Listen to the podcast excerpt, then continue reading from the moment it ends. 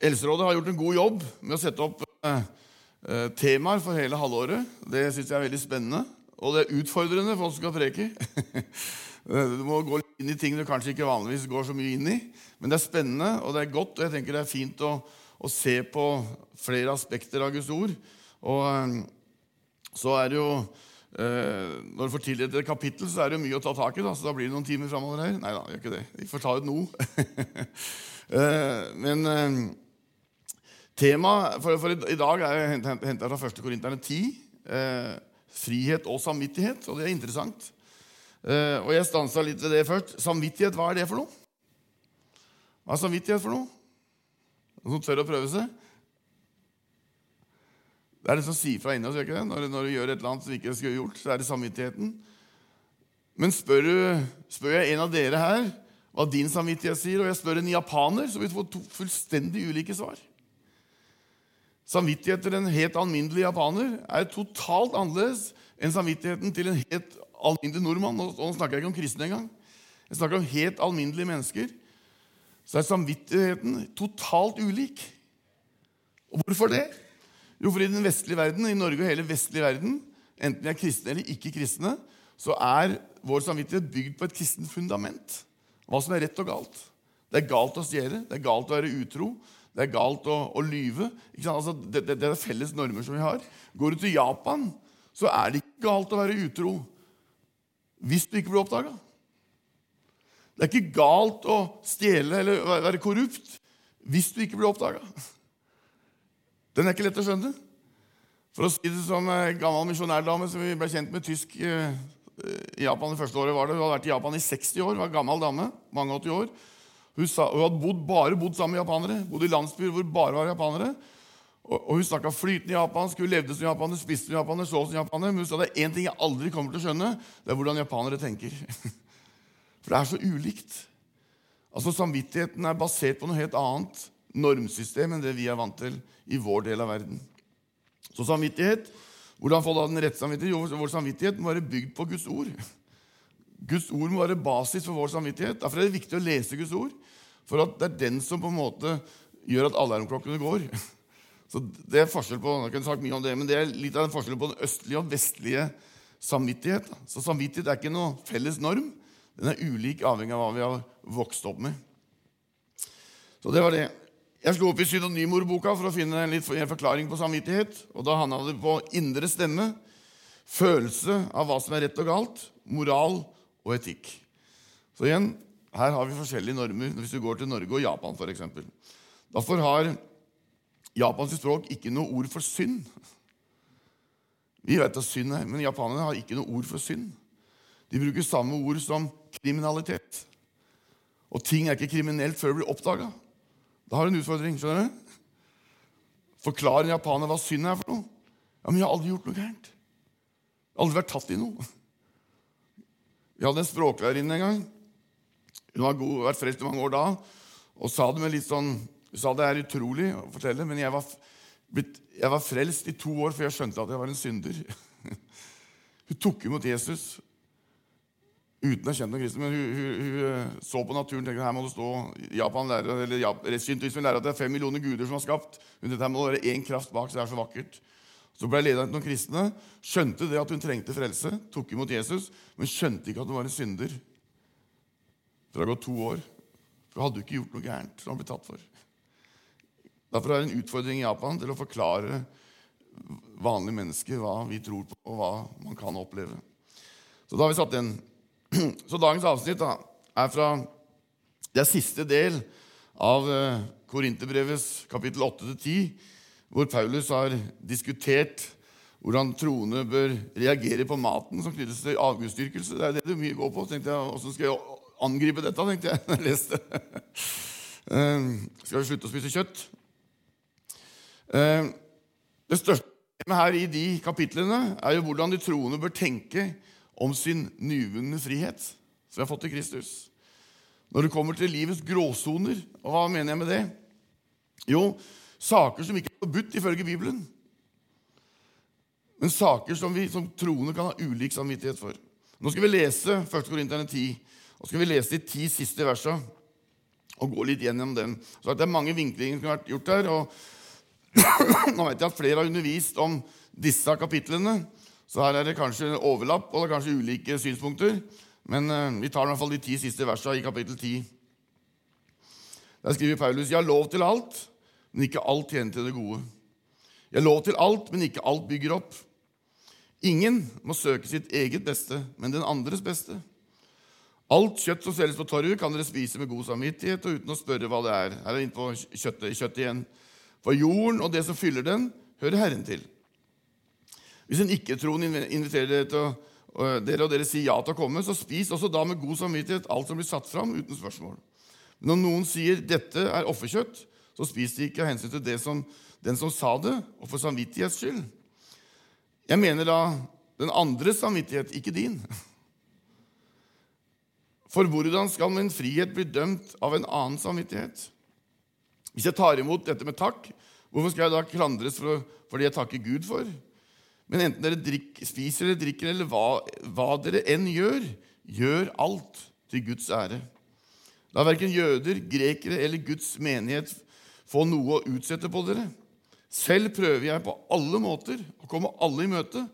Jeg søker ikke mitt eget beste, men alle de andres, så de kan bli frelst.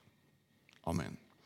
Jesus, nå ber vi om din velsignelse over ditt ord, at du vil tale til hjertene våre, at du vil røre ved oss i Jesu navn. Amen. Så Paulus han tar opp hva skal si, kompleksiteten i spørsmålet her. Han sier i vers 23.: Jeg har lov til alt, men ikke alt tjener til det gode. Jeg har lov til alt, men ikke alt bygger opp. Dette må vi se i sammenheng da, med de to kapittel 8, 9 og 10. Når Paulus sier at alt er lovlig, så mener han alt det som ikke er spesifikt forbudt i Skriften, så står at det er forbudt. Han sier at det er tillatt. Det står ikke at det er forbudt, det er tillatt. Men han fortsetter med å si at bare fordi det kanskje ikke er galt å gjøre noe, betyr ikke det at det er fordelaktig. Og det vil heller ikke antas at det bygger oss opp, verken oss selv eller andre rundt oss, andre troende. Og Paulus han legger til, han fortsetter i vers 24, og det er kanskje hovedsetningen i hele dette her med samvittighet og frihet som vi har. Ingen må søke sitt eget beste, men den andres beste. Og Den er jo interessant. Den setter jo ting egentlig i dimensjon for oss. Og så tenker jeg, jeg tenkte før eh, møtet i dag tenkte Nå er det vel for, litt høyere gjennomsnittsalder kanskje på møtet i formiddag enn det er på møtet om kvelden. Eh, dette er her sitter det stort sett folk som har vært frelst i hele sitt liv. Er dette stoff å komme med her? Nå tenker jeg at Dette er en hva skal jeg si, jeg skal kalle en læringskurve som må gå gjennom hele livet. Hele vår vandring. Fra vi blir frelst og helt vi er hjemme, så er dette en del av vår vandringslæring. Ingen må søke sitt eget beste, men den andres beste. Og det åpner for en helt ny verden. En helt ny verden når det gjelder omtanke for avgjørelsene vi som kristne tar. Når det blir fokuset, det er de andres beste, ikke mitt eget. Er, en, er det rett eller galt? Altså tillatt eller forbudt ifølge Skriften? Hvis det er tillatt, det er da det begynner å bli interessant. Hvis det som er helt klart ikke tillatt, det er greit, det er svart på hvitt. Men hvis det, er, hvis det er tillatt, er det da fordelaktig for min personlige åndelige vekst? Er det fordelaktig for andres åndelige vekst. Og nummer tre er det til Guds ære. Jeg syns det er spennende tanker. Når vi står overfor en avgjørelse, så må vi noen ganger stille oss spørsmål. da. Først er det kanskje moralske spørsmålet. Er det rett eller galt? Er det befalt eller forbudt ifølge Skriften? Når vi har bestemt oss at det, ja, det er ikke i strid med Skriften, så må vi gå fra moralens domene til visdommens domene og spørre er det klokt eller nyttig. Nå har vi ikke tid til å granske alt dette hver gang vi står overfor et veiskille. Men jeg tenker dette er noe som må på en måte ligge i dypet av oss. Den beste måten for å finne ut om en sak virkelig er nyttig, er ved å undersøke fra tre vinkler, tenker jeg. Som jeg også nevnte rett før nå. Er det gunstig for min åndelige vekst? Er det gunstig for andre? Og er det, vil det bringe ære til Gud? Vi ønsker jo gjennom livet vårt å bringe ære til Gud, gjør vi ikke det? At Gud skal bli æra gjennom våre liv. Her snakker vi om beslutning som ikke er svart-hvitt i Bibelen. Det er ikke alt som er svart-hvitt i Bibelen. Det er ikke alt som er krystallklart. Noe er veldig tydelig, veldig klart, men det er ikke alt som er det. Så må vi da vurdere hvordan påvirker dette meg. Er det med å bygge meg opp? Er det med å bygge opp de rundt meg? Er det med å ære Gud? Peker jeg på Gud gjennom det jeg gjør? Og vi må tenke hvordan påvirker dette andre mennesker. Vi lever i et samfunn. Det står at vi er i verden, men ikke av verden. Det står også at vi er en åpen bok, kjent og lest av alle. Folk veit hvem vi er. Vi lever vårt liv i hverdagen. Og egentlig så er dette med å ære Gud tenker jeg, det er det, det essensielle i våre avgjørelser. Hvordan innvirkningen det har på andre mennesker, er det med å løfte opp Gud i det jeg gjør. Ingen må søke sitt eget beste, men andres beste. Vi har altså aldri ment å tenke bare på oss sjøl. Og vi mennesker, og vi i Vesten og vi i Norge, vi, vi lever i et veldig sånn selvrealiserende samfunn. Det er meg og meg, meiesen. Det dreier seg om meg, og det dreier seg om mitt. Så sier Paulus ingen må søke sitt eget beste. Ja, Men det er ikke det vi gjør. da. Det er ikke det vi ønsker å ha det best sjøl. Jo, Paulus vi skal søke å gjøre det andres beste. Gjøre det best for de andre. Det kan høres oppofrende ut, og jeg vil påstå til tider så er det det òg. Det er oppofrende å tenke på de andres. Som menighet, som kirke på jord, så er vi individuelle lemmer på ett legeme, på én kropp.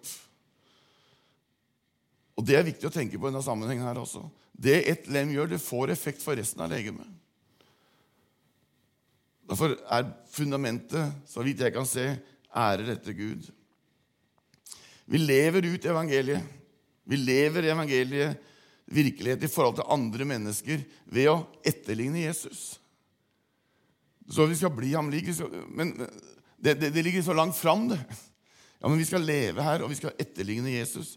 I Filippenserne 2 så sier Paulus.: Gjør ikke noe av selvhevdelse og tom ærgjerrighet, men vær ydmyke og sett de andre høyere enn dere selv. Tenk ikke bare på deres beste, men også på de andres. Og så avslutter han i vers 5.: La samme sinnelag være i dere som også var i Kristus Jesus.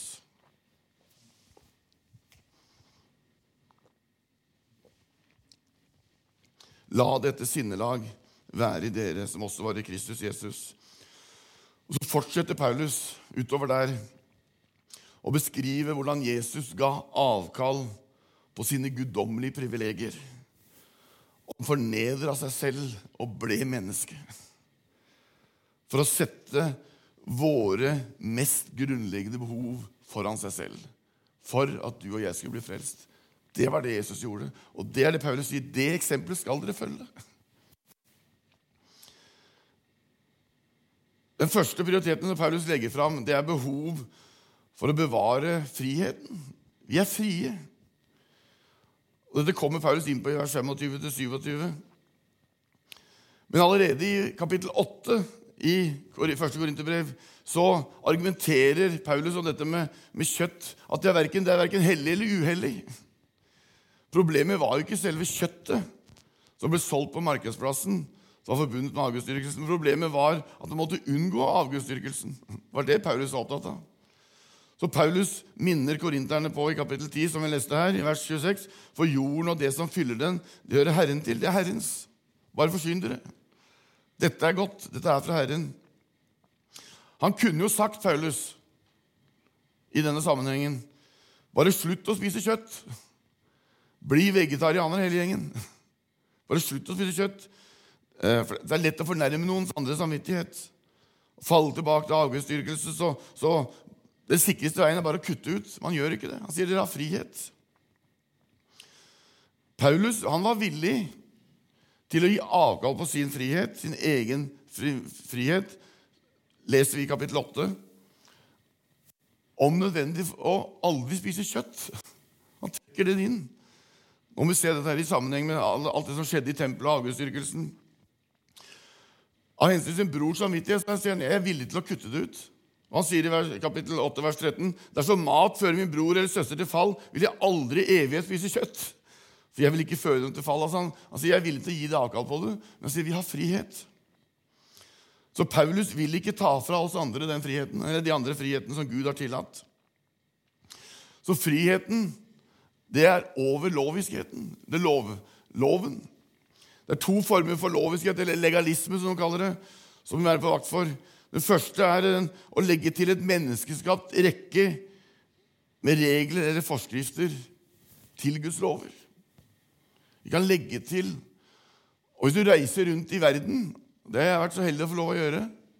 I Asia og i Afrika og andre kontinent så opplever vi veldig ofte at det er lagt til mye menneskeskapte regler utover Guds regelverk.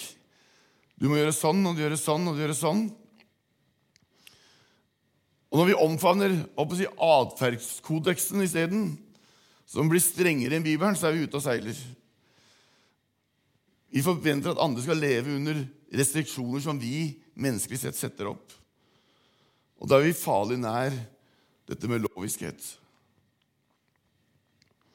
Da er vi nær det å tro at vi blir rettferdige ved vår oppførsel. Og det har vært et problem i Guds forsamling. Det er ikke en hemmelighet, det. Ikke bare i vår del av verden, i veldig mange andre deler, og det er fortsatt i mange deler av verden. Og jeg tenker, når vi sitter her, vi som er her i formiddag, godt voksne Stein Arild, det er ungdomsalibiet vårt. Du er gammel nok til at vi kanskje har opplevd noe av dette på kroppen, alle sammen. Tenk tilbake. Har vi ikke det? Jeg husker Svigerfar sa at det var ikke lov å plystre når vi gikk fra møtet. Fikk ikke lov av mor og far å plystre. Det var ikke det var ikke bra. Ikke det er mange sånne ting som vi har hengt oss opp i. Da jeg vokste opp, så var kino var jo forferdelig. Min første film, og det tok mange mange, mange år før jeg var på den, jeg var så på Flåklypa Grand Prix på Saga kino. Nei, ikke Saga, het Snorre kino. Og Jeg husker ingenting av den filmen den gangen. Jeg var livredd for at Jesus skulle komme inn mens jeg satt der. Da har vi i hvert fall ikke vært med. Og nå kan vi Ja, dere kan le, dere som er unge. Nå kan vi le av det, men det var ramme alvor. Det var ramme alvor. Det var bukser og skjørt. Min fru Kjersti kom fra statskirken, rett inn i ungdomskoret her, og fatta jo ikke med sin Kjersti er ikke opposisjonell, men hun klarte aldri å fatte hvorfor i all verden ikke hun kunne stå på plattformen her og synge med bukse på seg. Skjønte det aldri. Du kom fra en kirkebakgrunn hvor det ikke var noe tema. Og Går du til Nord-Kina, så er det synd å gå med skjørt på møtene. For du viser legger. Samme i India. Vi kjenner oss litt igjen, gjør vi ikke det? Og nå mener Jeg ikke, altså, jeg tenker at det som skjedde, har skjedd, det har vært etter beste mening, i kjærlighet. Men vi har lagt til, vi har satt til et regelsett som egentlig ikke har noe grunnlag. Jeg snakka med mange fra min alder og oppover jeg har hørt fortalt om å ha kommet hjem en ettermiddag eller en kveld som unge hjem, og ingen var hjemme. Og hva var ikke første tanken? Hvor er mamma og pappa nå? Nei, har Jesus kommet? Og jeg fikk ikke være med. Jeg skal ikke noe annet, men jeg tror flere av oss har kjent på den. Mange har opplevd den. Fordi vi har lagt til en kodeks. En, et, vi må gjøre sånn og sånn og sånn. og sånn. Men Paulus sier at Kristus han har satt oss inn i frihet. Det betyr ikke at du skal gjøre alt. Kan gjøre alt. Alt er basert på bygger dem opp, bygger de andre opp og ærer til Gud. Og Da får du en helt annen vinkling.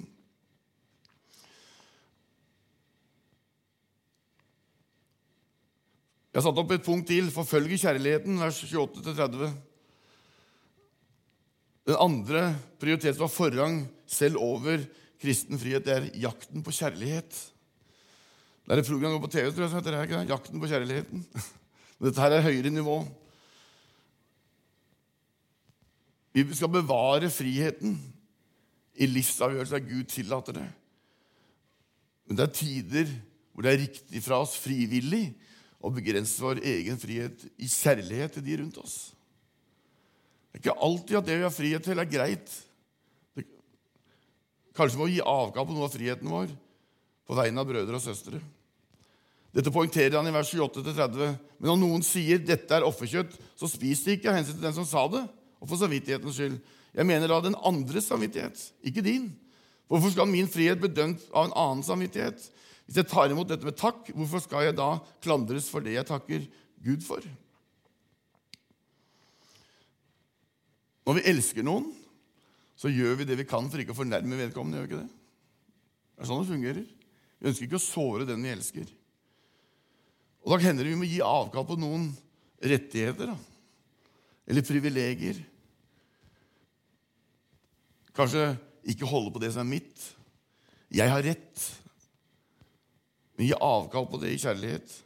Kjærlighet over frihet. Å bevare kristen frihet det er veldig viktig. Vi skal, vi skal leve i frihet. Vi er, vi er, kalt inn i frihet. Vi skal leve frie, gode liv. Men det å elske hverandre for ikke å få andre til å snuble, det er også et viktig element. Vi skal vise kjærlighet. Det, skal, det, det, det er en større prioritet kjærligheten. Å faktisk elske hverandre til det punktet hvor vi setter våre rettigheter til side for en annens beste. Det hjelper. Det hjelper faktisk å bevare integriteten i vår frihet til slutt. At vi velger å sette noe til side av kjærlighet til andre. Hvordan vil det bringe ære til Gud og styrke evangeliets sak? Det er et uh, viktig punkt, tenker jeg. Det beste bruken av vår frihet, friheten vi har fått, det er å ære Gud ved å hjelpe andre til å vokse. At vi gir avkall på noe av det jeg ønsker og jeg vil og jeg har behov av for at andre skal vokse. Vi vil beskytte oss fra loviskhet. Det er ikke loven som skal trykke oss ned. Vi skal få lov å være med å respektere andre. Og Noen ganger kanskje gi avkall på ting for ikke andre skal snuble. Alt dette tjener den høyeste prioritet vi har som troende. Det er nemlig det å behage Herren. Ære Ham i alt vi gjør. Her går det an, det, da? Paulus sier det går an. I alt jeg gjør, i ord eller gjerning, gjør alltid Herre Jesu Kristi navn. Dermed ære Han med livet av våre. I vers 31 Vi får gå litt fort, fort fram. Tida går. Men enten dere spiser eller drikker, eller hva dere enn gjør, gjør alt til Guds ære. Han kommer med den igjen og igjen. Det dere gjør, gjør det til Guds ære. Og det er målet vi bør ha som troende, at i alt hva vi gjør, at det skal være til behag for Herren. At vi ikke skal skuffe Han og bringe ære til Herren og fremme Hans hensikter med våre liv. Så vi kan vokse. Vi vandrer med Jesus gjennom et helt livslangt livsløp. Og da ønsker vi å vokse i nåde. og Vi ønsker å vokse nærmere Han. Vi ønsker at Han skal skinne gjennom oss. At Han skal stråle gjennom oss. La dette sinnelag òg være i dere. Så må vi spørre oss selv da, om jeg lever i hverdagen min sammen med familien min på en slik måte at jeg ærer Gud. Er arbeidsmoralen min holdningen min på arbeidsplassen en refleksjon av Guds nåde og Guds godhet. Hvordan, Dette er noe jeg tenker mye på, faktisk. det punktet her. Hvordan representerer jeg Jesus i nabolaget mitt? Blant mine naboer, i oppgangen der jeg bor. Hvordan representerer jeg Jesus? Og da involverer ikke det bare handlingene mine, hva jeg gjør, men det involverer hjerteholdningen min. Hvordan er jeg overfor de menneskene? Peker jeg på Jesus gjennom livet mitt?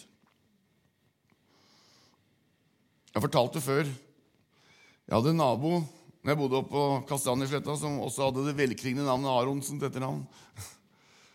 Han var også samme som meg. Han var utdanna trykker. Kjekk arm, andre ord. Han jobba på trykkeri i Drammen, og der hadde han en kristen kollega. Nå skal jeg si rett ut hva han sa. da. Han sa han kom hver eneste fredag, lørdag, han hadde jobbet lørdag den gangen, og skulle ha oss med i kjerka på søndagen. Og Da var han så mild og så snill og så pen, men resten av uka var han en drittsekk. Det var klar tale. Det var ikke noe vitnesbyrd. Vi ønsker ikke å være der. Men det var hans vitnesbyrd av han. Og så fikk lærte igjen en å kjenne. Vi var, hjalp en del. Han var skrøpelig helse. hjalp en del. Og så kom det en dag sånn Du, Vidar, du er annerledes enn de andre kristne jeg kjenner. Han kjente ikke så mange andre enn han. Altså Det med å leve i hverdagen vår, i familien vår, i nabolaget vårt, på jobben vår Så kan vi få lov å peke på Jesus og ære Jesus med det vi gjør. Og kanskje må vi svelge noen kameler òg. Kanskje må å svelge noen kameler. Hvordan kan jeg representere han godt og tjene Guds hensikter? Paulus fortsetter i vers 32, så nå, nå går vi snart inn for landing. La verken jøder, grekere eller Guds kirker eller Guds menighet få noe å utsette på dere, sier Paulus. Få ikke noe å utsette på dere. Paulus vet at det er ikke noen bedre måte å ære Gud på enn å samarbeide med Herren om å redde menn og kvinners sjeler fra Guds vrede og synd. Han vil at alle mennesker blir frelst. Og så vil han at vi skal samarbeide med han for at det skal skje. Med de rundt oss. Gjennom våre liv, gjennom våre handlinger, gjennom vår oppførsel. Og så tenker jeg noen ganger Jeg var sammen med ungdommene, og da blir jeg litt fokusert på det. Jeg, jeg går inn i bobla ofte. Nå var jeg sammen med Tentro-elevene. Og jeg gikk og tenkte på en fantastisk gjeng. Alle 15-åringer starten av livet. Vi snakka sammen mye. Så jeg sa, De lever i et annet univers enn det vi gjør. De er påvirka av ting ikke vi ante fantes. De er et tastetrykk unna alt. Er noen som trenger vårt eksempel og vår forbønn og vår kjærlighet, så er det ungdommene. Og så kunne begynne å ramse opp utfordringer de har som ikke vi hadde, og som dere som er enda eldre enn oss, ikke hadde. Så nå er det et tastetrykk unna. De opplever et press på skole og i utdanningssituasjonen. Altså, da jeg var, vokste opp på skolen og, og, og, og, sa at jeg var kristen, så var det ingen som hadde noe problem med det i klassen min. Det var ikke noe, var ikke noe big deal, det. Nå blir de håna. Det blir ledd av, den blir latterliggjort. Ikke bare av elever, men av lærere. Og vi snakker om Norge. Og jeg tenker, La ikke vår, må ikke vår frihet bli en snublestein for de unge som kommer. Eller for de som ikke er frelst, men av kjærlighet tjene dem. Og kanskje ofre noe av våre egne privilegier. Altså, ikke gå inn på hva vi skal gjøre og ikke gjøre. Men jeg tenker noen ganger så må vi gi avkall på noe kanskje, for å redde noen. Jeg leste en uttalelse fra Evangeliesenteret hvor de sliter med å plassere tidligere rusmisbrukere inn i menigheter pga. høyt alkoholforbruk i menigheten. Det er ett av mange eksempler.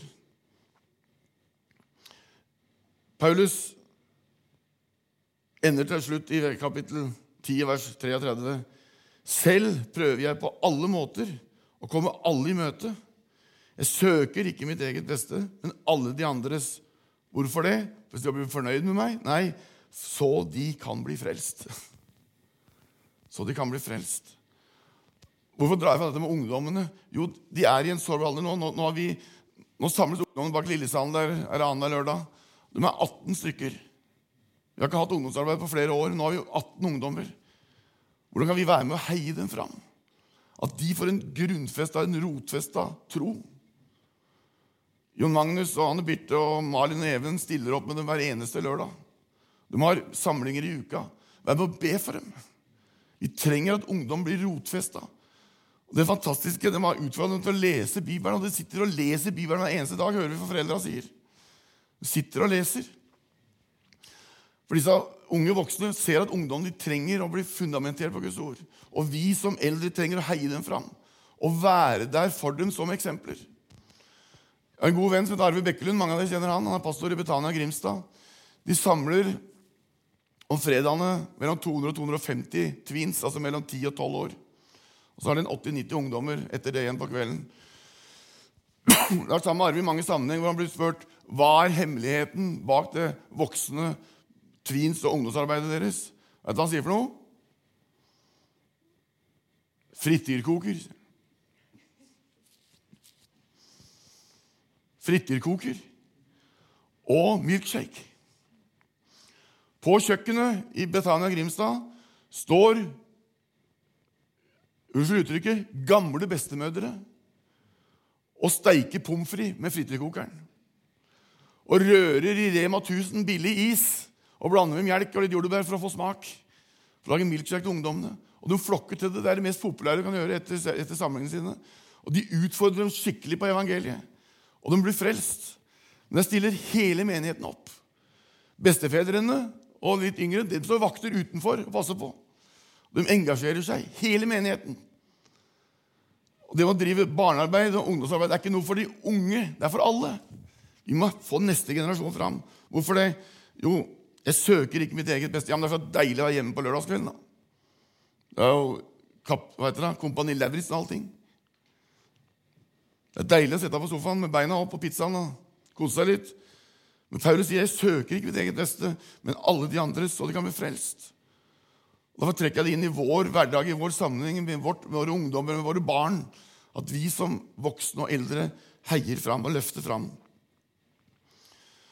Hans hensikt, Paulus' hensikt med samarbeid og jobbe med andre mennesker er ikke hans egen vinning, men at de skal bli frelst.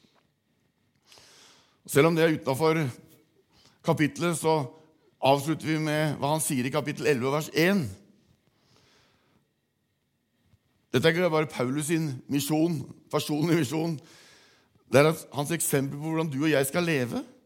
For I, neste, i det første verset altså Det er jo, det er jo si, nyere tid at vi har satt opp kapitler og vers. Men han fortsetter brevet sitt i kapittel 11 da, vers 1 og sier Ha meg til forbilde, slik jeg har Kristus til forbilde. Så må jeg gå i meg sjøl. Kan, jeg si, kan jeg si det? Kan jeg si det til familien min, til barna mine, til svigerbarna mine? Kan jeg si det til de naboene mine? Ha meg som forbilde, som jeg har Kristus til forbilde. Kanskje litt å tenke på. Jesus prioriterte kjærlighet framfor personlig frihet. Han ga avkall. Det er eksempelet Jesus har gitt oss. Det var kjærlighet til oss som var skapt av hans far, som gjorde at han hang der og sa det. Er fullbrakt. Derfor skriver Paulus i Efeserne 5,20.: Lev i kjærlighet, slik Kristus elsket oss og ga seg selv for oss som en offergave, en velluktende duft for Gud. Jesus herliggjorde sin far gjennom alt, alle ting. Derfor sier han i Johannes 17, 3, og dette er det evige liv, at de kjenner deg, den eneste sanne Gud, og Han du sendte, Jesus Kristus. Og det kanskje ultimate utsagnet fra Jesus finner vi i Lukas 22, 42, hvor Jesus er i Getsemane og sier, 'Far, om du vil, så ta dette begeret fra meg, men ikke la min vilje skje, men din.' Det er det som er det viktige for Jesus, å gjøre Guds vilje. Derfor kaller Paulus oss til det samme. At vi skal leve et liv etter Guds vilje. Vi skal leve et liv i frihet. Samtidig ikke fokus på oss sjøl, men på de andre. For å gjøre dem til laks? Nei, for at de skal bli frelst. At de ikke må gjøre noe som gjør at de faller ut på, langs veien. Så ved å etterligne Kristus så må vi ikke miste vår frihet til lovisme, til legalisme eller loviskhet. Men vi får lov å sette vår frihet til side for å være med og ære Gud og berge vår neste. Amen. Jesus, takk for at du kom. Takk for at du ga avkall på ditt eget. Du fornedra deg selv og ble menneske for at vi skulle bli frelst. Og så har du kalt oss til etterfølgelse. Kalt oss til å leve liv som peker på deg. Og så kjenner du oss, så kjenner du meg, så vet du at det kommer til kort mange ganger. Men vi har et ønske i vårt hjerte at våre liv, våre ord og våre gjerninger skal peke på deg. At det skal være til ære for deg. Vi ber om at vi, du vil gi oss nåde til å hjelpe menneskene fram, hjelpe ungdommene våre fram på trosveien. At vi må leve liv til etterfølgelse. Så vi kan si som Paulus, ha meg som et forbilde. som jeg har Kristus som forbilde. Det ber vi om, Jesus. Må du hjelpe oss. Og takke deg at du er full av nåde. Takker deg at du er full av kjærlighet. Og så får vi lov hele tida å begynne på nytt. Herre Jesus, hjelp oss til å glede oss over den friheten du har kalt oss til. Og hjelp oss å bruke den friheten til å være med og peke på deg. Amen.